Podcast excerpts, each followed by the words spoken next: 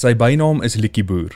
Hy word beskou as die vader van Afrikaanse rockmusiek met meer treffers op sy kerfstok as enige ander Suid-Afrikaner, waaronder Silver de Lange, Boy van die Suburbs, Baie Boer waar, 'n brief vir Simone, Kruikie roer my nie, Jantjie, Waterblommetjies, Harlekin, Hannoverstraat, Trein na Maatjiesfontein, Damossie se sakkie sakkie boere dans en nog vele meer. Anton Gosen, baie welkom op Kuns met Kontant. Môre môre môre, ek hoop dit gaan goed daar met julle in die goeie ou Transvaal. Dankie Anton en hoe gaan dit ver oggend daar by jou op Gansbaai? Dit gaan goed. Ons het weer eens 'n lente dag. Weet jy daar bo gewoon dan bel die mense my hier van die Kaap af van Gansbaai af. Dan sê hulle dis 'n wonderlike dag in die Kaap. En dan sê hulle maar, jy weet as elke dag 'n wonderlike dag hier langs die Heunopsrivier, hoekom sê jy dit vir my? Laat weet vir my is dit nie 'n wonderlike dag as jy sê maar dan gaan ek te veel moet bel. ja, uh, maak sin. Ons ons ons geniet dit ek hou van die see. Die pas is baie stadig in die Kaap en mens pas daarbey aan ook. Maar beïnvloed jy nogal op verskeie vlakke. Jy weet, die Kaapenaars, die hulle, hulle bel nie vir afsprake en sulke tipe goed nie. Hulle val net in. Maak net nie saak wat jy mee besig is om te doen nie. So dis dis is ons nie 'n voordeurklokkie nie. So dit los daai probleem op. Maar dan nooi hulle jou nou vir 'n braai, dan sê hulle maar kom half 6 dan kan ons hier in Pearly Beach, dan kan ons nog lekker walvisse kyk dan daag jy kwart voor 6, jy weet, uh, is 'n bietjie later, jy moet 'n kunstenaar. Dan daag jy kwart voor 6 op. Dan lê hulle nog in slaap. Dan maak jy hulle wakker, dan gaan koop hulle hout. Dan nie by 8 uur se kant dan steek hulle die vuur aan. Nou met hout praat ek van rooikrans. Dit is oh. dis uitheemse hout, dis nie bosveld hout nie. Ja. En ek mis regtig die bosveld hout, maar die voordeel van die rooikrans is dis uitheemse pes en uh ons roei dit dan met die braai so bietjie bietjie uit. Maar nou hier so tot 10 uur se kant. Die aand dan begin die skole nou gaan en dan sit hy nog hout op. En dan begin jy gaap. Dan bring hulle vir jou 'n bietjie voorgeregte om jou aan die gang te hou. Maar die die groot ding is as hulle vir alles hulle partytjie hou saam met dit. Hulle wil nie die die lekker gevoel wat jy na 'n paar glasies het. Ja. Na 'n hele paar glasies. Hulle wil nie daai ding weg eet nie. Ja. So hulle stel die ete uit tot tot 1 uur die nag. maar daarom nou nie almal nie. Ek het nou al reël met die mense by wie ons kuier. Jy weet ek wil weet wanneer jy dit begin braai. Met ander woorde wanneer jy die voedsel op die vuur sit. Dit is die inligting wat ek graag wil hê. Nie die 3, 4 ure voor dit. En Anton, het dit al met jou gebeur waar jy by vriende by hulle huis aankom en dan sê hulle, "Maar kom ons spring gou vinnig aan die motor. Ons gaan nou gou die charcoal of die hout gaan koop of die vleis gaan koop." En ons gaan koop nou eers al die goed voordat die aand gaan begin want dan weet jy dit gaan 'n baie laat aand word. ja, ja, ja, jy moet vroeg begin gaap. Dat dit eh, dat daai body language van gaap werk nogal. Ja. Ek sprang hier raak aan die slaap in die geselskap. Ja. En dan uh, dan dan skud dit hulle bietjie wakker. Ag maar die lewenstyl is baie lekker en uh dis dis 'n stadiger pas maar daar's baie skoonheid wat gepaard gaan weet hier. Jy bin ons sien elke dag die see jy jy voel hom jy ry kom jy kyk na hom, jy hoor hom. My gitaarspeler was hier gewees vir 'n week. Ons het shows gedoen en iemand het vir ons 'n freebie gereël op die Walvisboot. En dit is een van die wonderlikste ervarings. Ek het nou al 'n paar trips gehad op die Walvisboot. Ek is nie regtig iemand wat belangstel in daai haaiboot goed as waar die diere lok met hulle met chum. Ja. Maar die walvis ding, dis hierdie 60 ton dier wat hulle is nou skieurig. Jy hoef net te roep nie. Hulle kom van self nader. Die eerste klompie het net buite kan die hawe gelê en nou sê die gids vir ons dat daai walvisse weet as jy daai boot aanskakel in die hawe, weet hulle al van jou. Met gehoor. Uh, ja, en en hulle aanvaar die bote. Hy het ons 'n storie vertel dat hulle die bote 'n ander kleur geverf het op die stadium. Toe wil die walvisse nie nader kom nie. Hulle was gewoond aan die oorspronklike kleur. Toe verf hulle maar weer oor in die, die oorspronklike kleur. Nou daai 60 ton gaan onder daai boot deur met haar kalfies. Ah, ja. En wat nogal 'n aardige gevoel is en hulle kom lê soms reg langs die boot en die een ding wat nie moet gebeur nie is hy moenie nies nie. Dit is 'n dop emmers vol nies wat op jou neerstort. dit is 'n geweldige ervaring. Maar die walvis ding ook hulle gery die hele dis 'n natuurgebied tussen die kellers in Fransbaai en Hermanus wat jy die plaas noem. En dit is waar Walker by is die walvisse kom hiernatoe om uh, kalfies te kry, om kalfies te vervaardig en dan kalfies te kry en dan gaan hy terug sy pool toe om te eet. En ons het self nou die dag 'n mannetjie gesien, 'n meneer walvis, ja. wat met sy oop mond geswem het en die skipper het gesê hy het nog net twee keer dit in sy hele lewe wat hy die die boot het. Mm. gesien het met 'n oop mond swem, maar daar is swem by die sy pool met 'n oop mond vir kos. Uh, nie hier nie. Dan natuurlik het jy die probleem ook van die orkas wat soms hier in die hawe kom maar die die maas, die killer whale en die southern right hier in die Noordkaper. Hoekom dit Noordkaper in Afrikaans is en southern right in Engels weet ek ook nie. Dis ja. redelik verskillende rigtings, die rigtings hierdie. Maar die maag gaan lê met haar rug na die wit groot haai toe en met die kalfie teen haar aan die ander kant. En as die wit haai omkom dan te ander sy van posisie. En ons het al gesien hoe dolfyne ook saamspan en van die wit groot haie wegjaag. Sure. Uh, of die orkas en die or die orkas hulle hulle eet die kalfie se tong. Dis al wat hulle eet. Hulle los die res uit. My. Maar ongelukkig is die, die kalfie dan nou dood. Ja. Met die haie want hulle val die wit groot haie ook aan en met die haie eet hulle net die lewe. I firmly believe that horse and hound have a soul. En ek glo dit ook. Hierdie diere het verseker 'n ja. siel. As jy net nou praat van die walvis en haar kalfie en hoe hulle so gewoond raak aan die mens met selfs die kleure van die bote en dan moet die diere mos 'n siel hê. Ja, da ek is een ding sê jy ry op baie walvisbote in Walker Bay en jy kyk terug land toe en dit is nie 'n point of view wat jy elke dag sien nie, maar jy is regtig maar een met die skepping. Want dit is stil, dis beheer, hulle hulle gaan staan as hulle die walvisse sien die boot. Hulle los die engine aan. Hmm. Maar hulle hinder hierdie diere glad nie. Dit so leef hulle netjies langs mekaar want die walvisse het behalwe vir die orkas hulle nie vyande nie en hulle maak ook nie vyande met die ander. Hulle los die res uit. Sommige op die perfekte dier. Anton maar nog iets waaraan jy gewoond is daar waar jy woon is die wind. En in 1988 het jy jou album vrygestel getiteld Winde van Verandering. Daar was hier en daar 'n snit of twee op daardie album wat die sensors verban het en daar was op 'n stadium die rolprent Pretoria o Pretoria in 1979. Oef, daar was vele. Joe, daar was vele voorbeelde. Maar Winde van Verandering die die titelsnit was verbied. En toe ons hulle gaan sien en met hulle gesels en hulle gesê maar hierdie leiers en herders kan enige leiers en herders wees. Ons verwys nie net na daai persoon nie, ons verwys na almal van hulle. Dit is so rukkie gedink en besluit maar o, dit is waar. Ons het miskien bietjie subjektief aanvaar. Toe was Kalbassies was ook onder embargo. Hy het selfs die hoof van die godsdienstgroep ingeroep om na die video van dit te kyk en uh weer eens het hom vir hulle gaan verduidelik kyk Kalbassies is goeders wat in die veld groei. Jy kan dit eet, jy kan dit uithol en water aandra met dit en so en wat presies is julle probleem? Ja. Het julle dalk 'n seksuele konnotasie met die goed of wat? Ja. Uh toe hulle besluit nee, maar dit is oukei. Okay. By 'n gat vol daad hulle voet neergesit, hulle gaan daai ene nie deurlaat nie. Maar so binne jare het die hele sensuur ding dit amper 'n spel geword. Op 'n stadium het ek subtiel begin skryf, maar dan weet ek as ek woorde gebruik wat hulle nie ken nie, dan gaan hulle die liedjie nie verbied nie. En so in 'n liedjie, dis nie 'n bekende een nie, dis die Weskus liedjie. Dis 'n ou liedjie wat ek verwerk het en so aan, maar een van die lyne praat van die Gento staan by die waterkant nou. Almal se antie die rooi Charlie vrou. Dit was heeltemal fyn vir hulle gewees. En Gento op die Houtbaai hawe is dit uitgekrap in sement. Jou ma is 'n regte Gento. Ja. Nou die Gento was 'n boot vol vroue wat aangekom het in die Kaap want daar was 'n tekort op 'n ander plek aan vroue en vroue geselskap. Ja. So dit het nou hierdie boot vol gebring. Hier in Gansbaai is 'n by Kleinbaai waar die haie is, is daar 'n rots met die naam van Black Sophie. Black Sophie was 'n bordeel eienaar in die Kaap wat uh, vir die manne wat op daai eiland Guano opgetel het.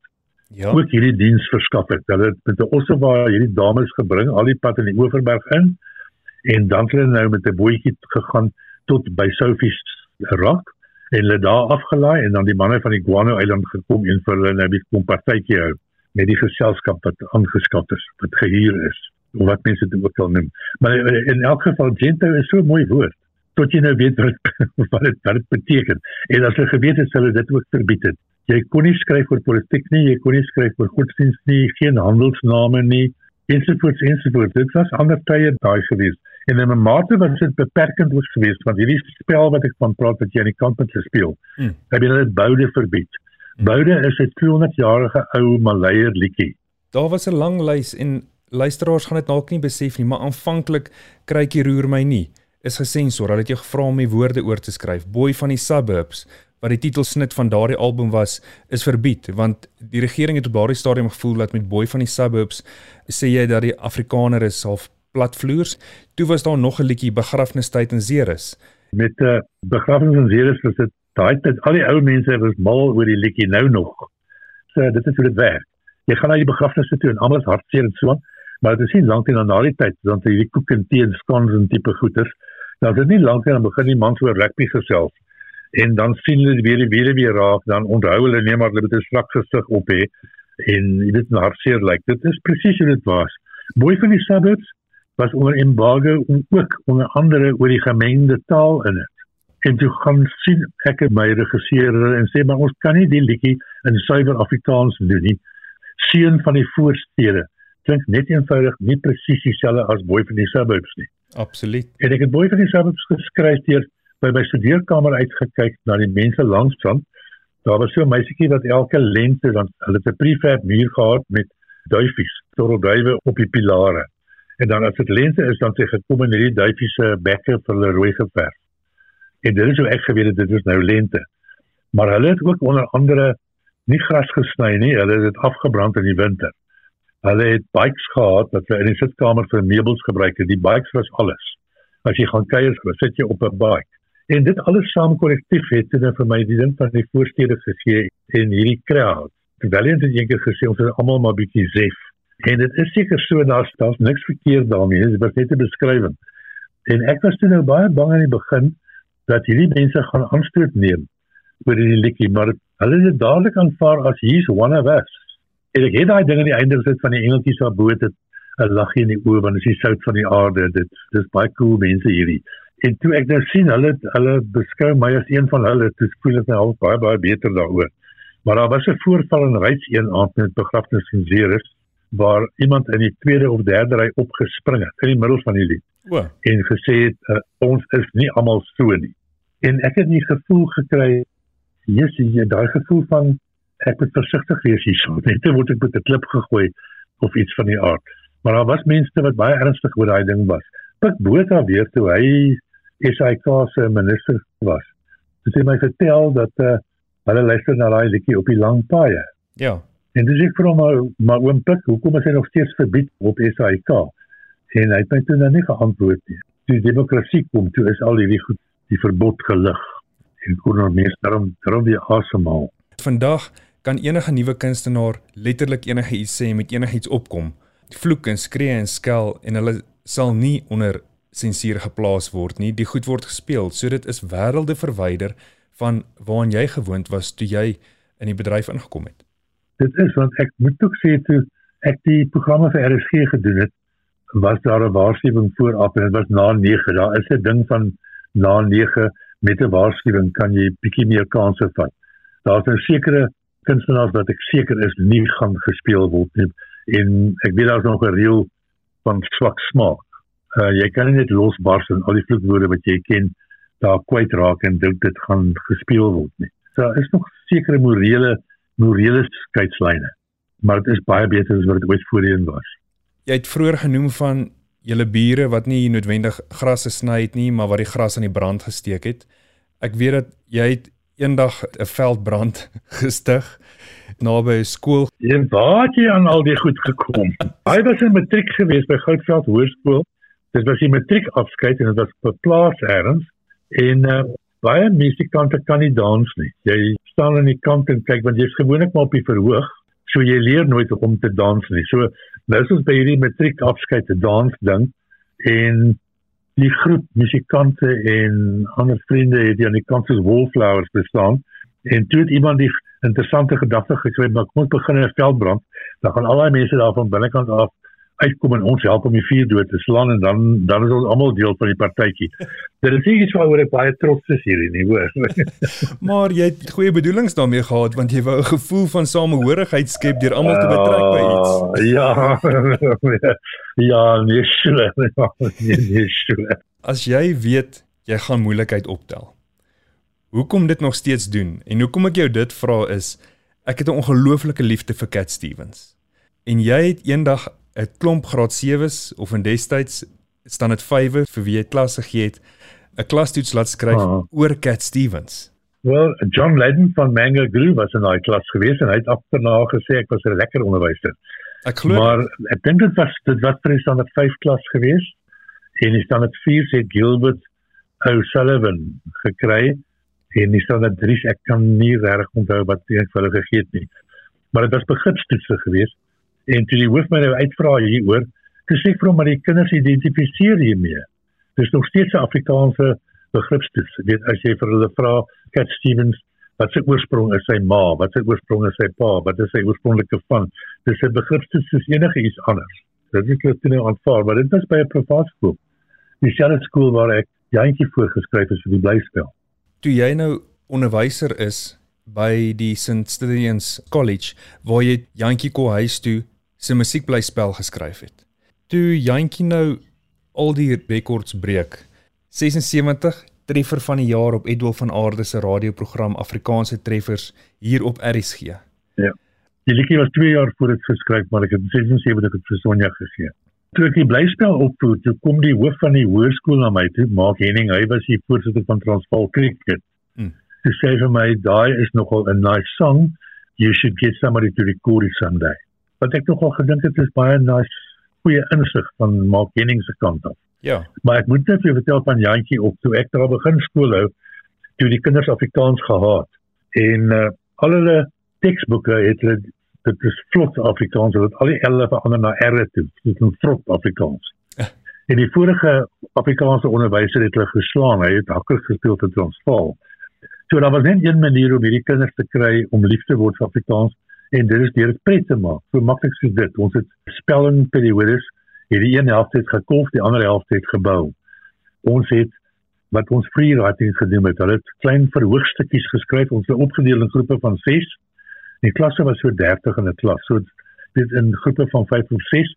Dan het hulle nou hier toneelstukkies geskryf en ons het ons area buite in die woud skoon gemaak met met stompe soos 'n Shakespearean theater, 'n Mm. openlig enetjie. En uh, dan kon hulle nou aantrek weet vir die toneeltjies wat hulle nou gaan opvoer. En dit is 'n groot sukses en die hoof van die laerskool, my hoof, die roep my toe in. Ja. en sê vir my hy sien sien die laaste 5 minute van sy Engelse klasse raak die kinders baie woelig en onrustig en hulle begin rondkrap in hulle tasse en nie klas van dinge. En hy vra toe vir hulle what's going on? So sê hulle hom oh no it's Afrikaans next hè? En toe ek dit hoor toe weet ek ja ek is op die wenpad hier so in hierdie proses het ons dan ook 'n orkesie gemaak met die kinders met 'n T-box bass en banjoes en en gitare en tamboerine en dit gesing als in Afrikaans. En toe skryf ek die toneelstuk. Dit is net 'n blyspel in twee dele, twee bedrywe. Ek het afgegaan Kaap toe om die gevoel te kry nuwe jaar met die klopse en ek het vir Idee depressie gaan raad vra. Hy het vir my maatlas gegee op uitjies. O. En toe teruggekom en die blyspel geskryf en opgevoer met die kinders nou die hele skool in die blyspel ingesit. Die wat nie uh, spraakdele gehad het nie was in spraakkore of hulle was bome of weet pilare, maar almal van hulle was in hierdie toneelstuk gewees. So Vrydag aand het mammas en pappas kom kyk en saal was vol en Saterdag aand oumas en oupas en die saal vol. En nou nog kom van daai kinders na my toe hulle maak kontak op Facebook, dan is hulle miskien in Amerika en hulle is executives en die nommerplaat van die kar is Sandton 1, daai klas van ding. En dan kontak hulle my en, en vertel vir my die stories. Heelwat van hulle sien ek en hoor ek van hulle. En dit is baie lekker. Hulle is nou almal op nou dit redelike volwassenes. Nou die tyd het die tyd het 40 jaar aangestap. So ek kyk terug met 'n uh, baie aangename herinneringe na die die skooltydperk. Maar dit is ook waar ek begin skryf het. Soos ek vir vertel het van Jantjie. En uh, uh Jantjie was 'n man van Griekmaland wat vir ons op die plaas in Kroonstad gewerk het. Hy het my geleer rook, waaroor ek nie baie bly was nie, maar ek het ontslaag geraak van die gewoonte Ja. en koeiemelk en gitaar speel. En sy vrou se naam was Katreintjie en sy het die mooiste blommerdansings gedoen. Sy het in die huis gewerk. So daai name kom van 'n 'n lang tyd gelede. So ek het net uit daai ervaring uit geskryf. Die eerste klomp liedjies wat mens skryf uit jou verlede uit kon jy dit ook opgelet. Jy het jou hele verlede om uit te put. Daarna moet jy gaan sit by 'n tafel en met idees wat jy nou in die hande kry met dit werk. En ek het gister nou 'n dokumentie gekyk op Creedence Clearwater Revival. Mm. Hulle was van Kalifornië. Hulle het hierdie hit gehad van Boy on the Born on the Bayou en Proud Mary wat men sê die boot wat op die Mississippi ry. Hulle was nêrens naby die swamps gewees om eerstens uit te vind hoe dit is. Jy doen met navorsing. Maar met liedjies moet jy dan baie mooi nasorg doen en hersiening doen want jy kan nie gaan skryf van die nie die pragtige tulpe in die Namibwoestyn nie. Daar is nie so iets nie. Jy moet seker maak van jou iemand het my eendag gesê as raak jou liedjie so goed soos die swakste skakel in die liedjie. As jy wil skryf oor 'n trein, dan moet jy seker maak daar's 'n treindiens. Jy kan nie net 'n mooi pleknaam gebruik vir dit nie. Maar in elk geval Koen van Funkmusiek, hy het ook die Valley Boutique.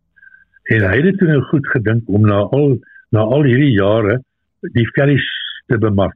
Die velskoene het ek in Suid-Wes-Afrika amper sê Duits Wes-Afrika, nie ou die die ou naam van Namibië. Mm. Een van die eerste dorpies as jy inry is Karasburg en by die Karasburg se handelshuis het ek hierdie Kudu self velskoene aangeskaf. En uh destyds het ons hulle gedra sonder sokkies. Ons het die sokkies dan sommer Paul Kreer sokkies genoem. Maar toe een aand toe op moet opgaan te sien ek die veters het gebreek. En toe het ek 'n stuk elektriese koord daar agter die gordyn raak gesien wat ek toe as veters gebruik. Eh uh, wat nou baie spogger gelyk het behalwe elektriese koord kan jy nou nie vasmaak knope inmaak soos met veters nie. Maar omdat dan nou los sit kan jy die skoen maklik uittrek terwyl jy daaroor praat van hierdie kudu wat 'n skoen geword het en dan verwys jy na die elektriese draad en die voordeel daarvan is dat jy kan by die muur prop in in prop en dan kan jy die beat kry saam met die musiek ja. ensovoorts ensovoorts. So na 3 jaar te dra dan nie meer die skoene nie want die mense het dit geweldig gesteel dit en die kepse. Regtig. En nou 40 jaar later of bietjie meer as 40, ek is nie seker nie. Van 79 af tot nou tot 42 jaar later het Kobie nou met die idee gekom van kom ons bemark 'n liedjie boer Jantjie reeks skoene. Ja.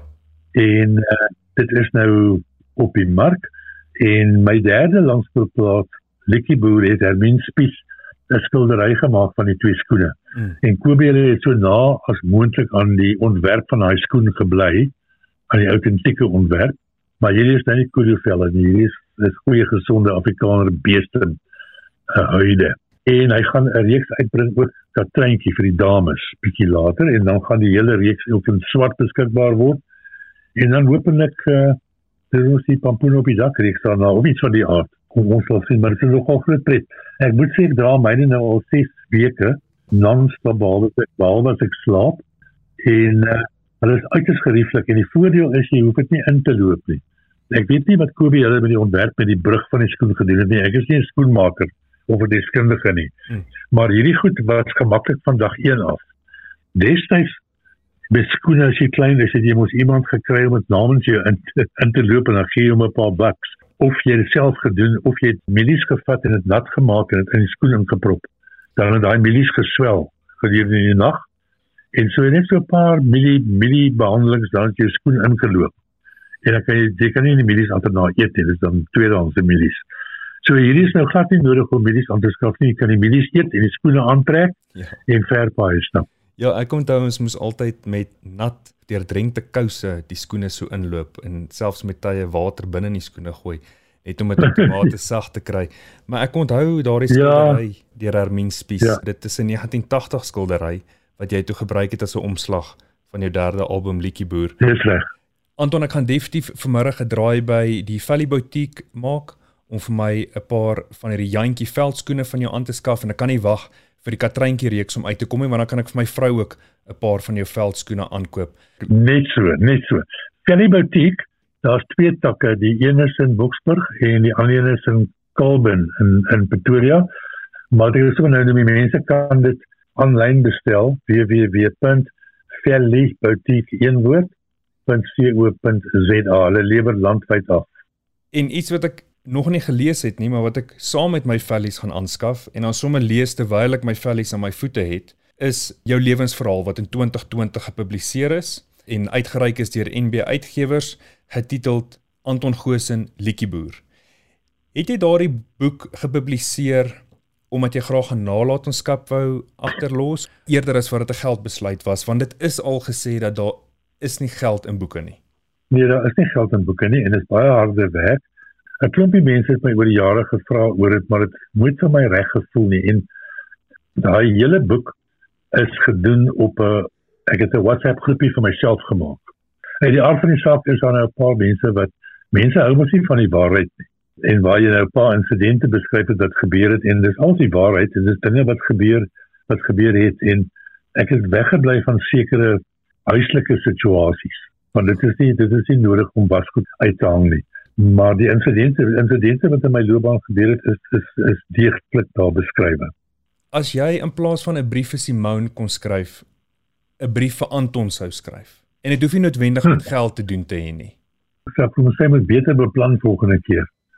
Dit is dit is iets wat Vanus Loutenbach my ook gesê het. Ek het hom gevra om Vanus, wat sou jy anders gedoen het? Hy sê vir my hy sou 'n bietjie beter beplan het.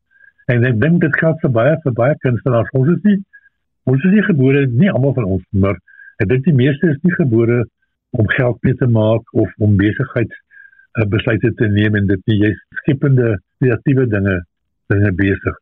Ek dink nie ek het al ooit een liedjie vir geld geskryf nie. Die feit dat krykie gewerk het is toevallig. Dat die mense daarvan gehou het jy die regte ding op die regte tyd gedoen. Hmm. Dieselfde met uh, met al die liedjies en dit sluit uh, briewe Simon in. 'n Brief van Anton sal miskien 'n bietjie wakker skrik aan die organiseerde kant, die beplanningskant. Toe jy skool gegee het, het jy jouself bekwam as 'n cricketskeieregter en daar's tog baie reëls en dinge by betrokke. Sou jy sê dat jy tot 'n mate deur die loop van jou loopbaan tog ook reëls toegepas het as dit by jou finansies gekom het?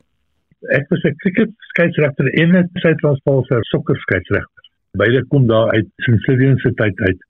Ek het hom altyd besig gehad met my help met uh, inkomstebelasting goeders invul, kyk dat jou versekerings reg is, kyk dat jou budget klop, daai klas van dinge. Dit is heeltemal onverantwoordelik daarom nie. Sê daar maar huis, 'n huis en 'n kar en 'n vrou en vier hondjies. Die hondjies sê kos. maar ek bedoel net met besigheidsbesluite ek moes as ek nou dinge sou moet oordoen en ek meer besigheidsgerig was, dan sou ek van die begin af Anton Goos en Felix verkoop het. Mm. Dan sou ek van die begin af Anton Goos en Kepse verkoop het. Ensovoorts ensovoorts ensovoorts en en is dit ek net ek was te besig om op te tree en en en goed te skryf. Ek het nie baie daaraan gedink nie. Ek sal nie sê as ek dit oordoen sal ek wel daaraan dink nie. Ek kan nie myself in 'n 8 tot 5 situasie insien waar jy nou hierdie fabriek het vir Kepse maak. Anton Goos en Kepse. En jy moet gaan toesig hou en boeke boeke hou en met werknemers werk. Nee, uh, uh, nee glad nie. Ek dink nie so ek dink nie so kon dit nie. Selfs met 'n ooreenkoms soos onder andere met Pieter Gallo, het jy en hy agterop 'n melkbottel en 'n handdruk ooreenkoms aangegaan om opnames en katalogisse en 'n kontrak aan te gaan vir jou musiek en uit dit is ek seker hy tog baie geld vir Gallo Records maar ook vir jou gespruit. Kan 'n mens ja. nog in vandag se tyd sulke tipe ooreenkomste aangaan waar jy met 'n vriend oor kan die tafel bladskud en julle kontrak agter op 'n melkbottel neerskryf? Ek dink die meeste mense gaan sê dis nie moontlik nie, maar Peter Gallo was een van die laaste gentlemen in die bedryf. Daar is uh, vreemde mense daar buite, daar mense wat jou wil indoen. Ek het 'n baie goeie kontrak prokureer. Want dit is maar die beste om die goed op skrift te kry. Maar met Pieter het dit goed gewerk en ons het toe uiteindelik 'n uh, uh, ooreenkoms opgestel want die ou wat na hom kom het nie daai handdruk gegee nie. Ja. En die een wat na hom weer kom het ook nie daai handdruk gegee nie en dinge kan nie net wees soos 'n 'n damwal wat breek en die water gaan ons heen nie. Mm. So 'n uh, kontraktuele verpligtinge is dit is net maar 'n noodsaaklikheid. Dit gaan beteken dat baie geld inrol nie mense nooit jou oë toemaak en net 'n uh, platenmaatskappy se kontrak teken nie. Jy gaan baie jammer wees agterna daai ding is opgestel om hulle te beskerm. En as daar 'n klompie klausules wat nou voorkom dat jy ook beskerm is, maar die beste is om maar na 'n goeie kontrak prokureer te gaan om net jou kant van sake reg te kry. Daai bietjie pennies wat jy spandeer daaraan is is deur en deur die boete werd. Mense rip jou af, hulle rip jou af. En ek is seker jy kan vir ons 'n paar riller stories vertel van slaggate waar Nel getrap het in die verlede. Ja, veral met met vertonings ook. Jy weet, dit is nie net plate nie. Met vertonings ook, jy kan nie net op op 'n klankman se stem op die foon gaan jy 'n kontrak nodig.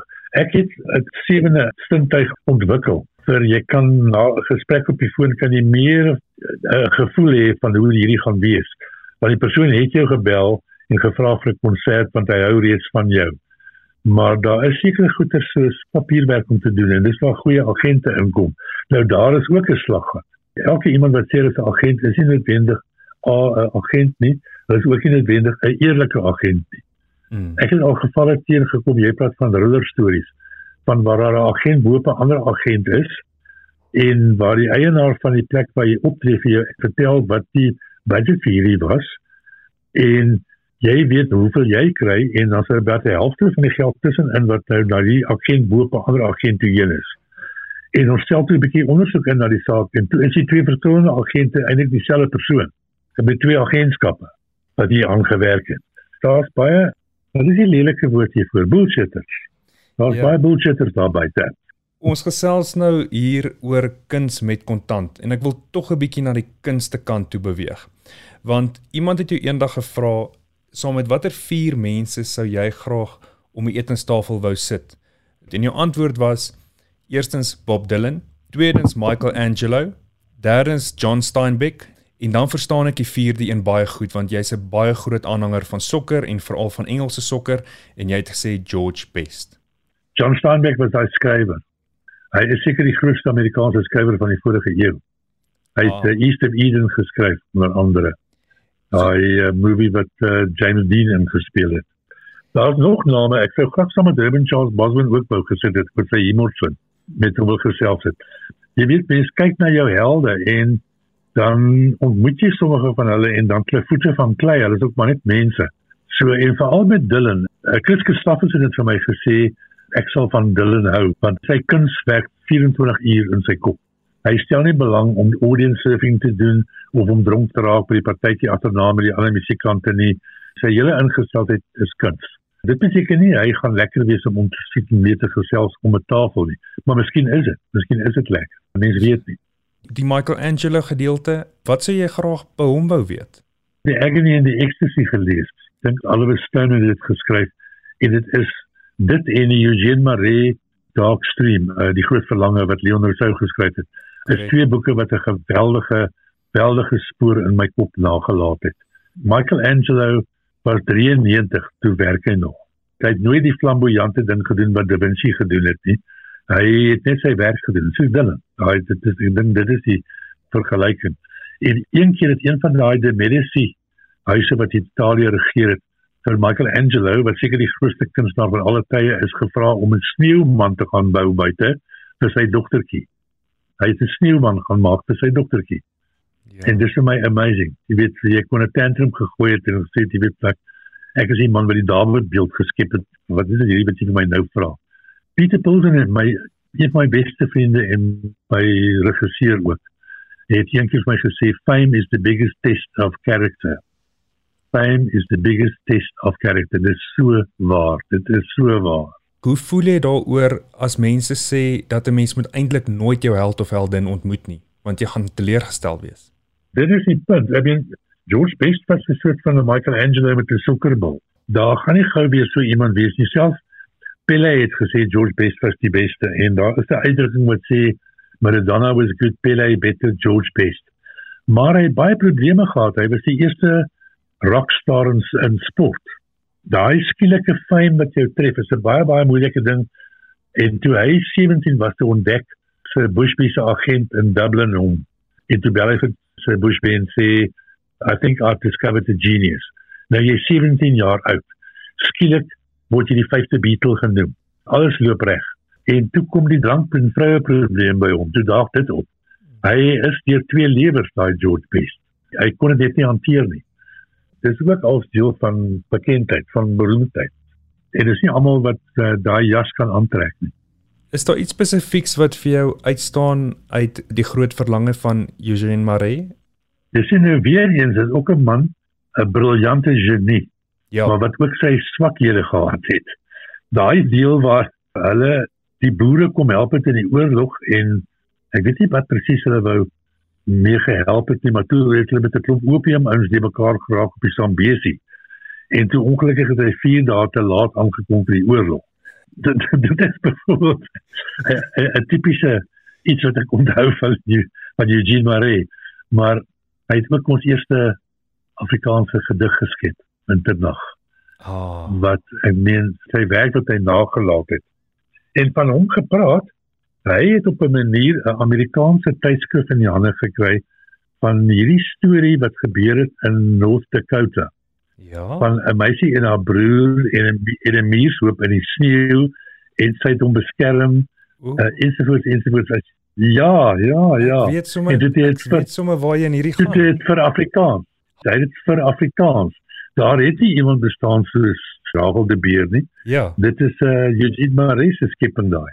Sy het die Afrikaanse weergawe geskryf. Anton wat ek net vroeër vir jou wou genoem het toe jy Wyle Vanus Rautenbach se naam genoem het is die afgelope Vrydag 23 September sou sy 94ste verjaarsdag gewees het. Weer eens, wat 'n wonderlike brein. Ons het lank vir maandagooggend, ons het dit vooraf opgeneem, maar vir maandagooggend op die Afrikaanse diens, die Destyds Afrikaanse diens het ons 'n 'n 5 minute programmetjie gehad. Ek was Jantjie Blom en hy was oom Lokomotief en dan het hy versies geskryf oor die gebeure van die week, die politisie oor mevrou Wêreld destyds oor Saul Kirchner ensovoorts ensovoorts en dikwels het ons in die moeilikheid gekom. Ek ek het dit nie goed gesing en dan het ons dit saam op saam opgeneem en ons het Kulu die wonderlike kalkoen ook in die ateljee gehad. Dikwels het ons in die moeilikheid gekom of hy in die moeilikheid gekom, maar hy was aspris. Dan het hy dit vir die koerant gegee en dan 'n storie daaroor geskryf en dan stel mense weer baie belang en dan is ons nou vir 'n week of twee geskort vir ons straf en dan kom die program weer terug. Ek dink die program se naam is Ja nee. Uh ja nee. Hm.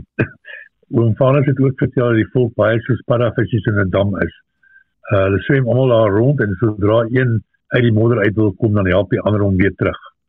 En ek het dit gevind by die media ook hulle bou 'n nuwe voorblad iemand op soos 'n piramide en dan net hy daarbo toemaak die piramide dan breek hulle hom weer af. Dan soek hulle die donker kante. Wat het jy alles in daai studeerkamer van jou want is net langspeelplate van die grond tot bo teen die dak. Die plate is uit destyds uit toe ek resensies gedoen het vir beeld en huisgenoot.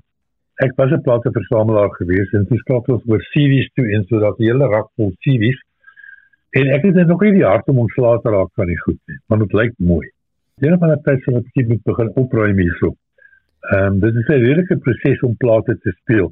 Ek weet die ernstige versamelaars jy het nie 'n probleem mee nie, hulle sommer vir hulself 'n kamer gebou vir hierdie doeleinde. Maar so oor die jare het mense mos dan baie goeders bymekaar gemaak wat jy nie noodwendig nodig het nie, maar nie wil weggooi nie, vir ingeval jy weer gaan nodig kry. Dis iets wat ek op die plaas aangeleer het en mense noem dit wat versamelfobie, versameldrang, Ja. iets van die aard, goeders bymekaar maak. Uh hoarding is die Engelse woord. so hier is my plate wat ek gehoord het, maar dit sê dit is 'n lekker dis 'n lekker area. Die huis is 130 jaar oud, so dit is hierdie dik klipmure Saam met die veldskoene of die vellies wat jy nou onder jou naam uitgebring het, wil jy nie tog maar eendag Anton Goosen sonbrille of shades ook uitbring nie. Ooh, jy praat so reg in my vrou se kraal. Daai rooi brille. Dan stuur ek vir jou 'n foto waar ek in 'n leunstoel agteroor lê met my jantjies veldskoene aan met my Anton Goosen brille op Ja. my oë terwyl ek jou lewensverhaal lees. Anton Goosen Liedjieboer. En dan as die T-shirts beskikbaar is, dan gaan jy sekerlik 'n uh, 'n jantjie kom huis toe of 'n pampoene op die dak T-shirt ook aantrek vir die geleentheid, nê. Nee. Henke, jy kry volpunte hiervoor, hoor.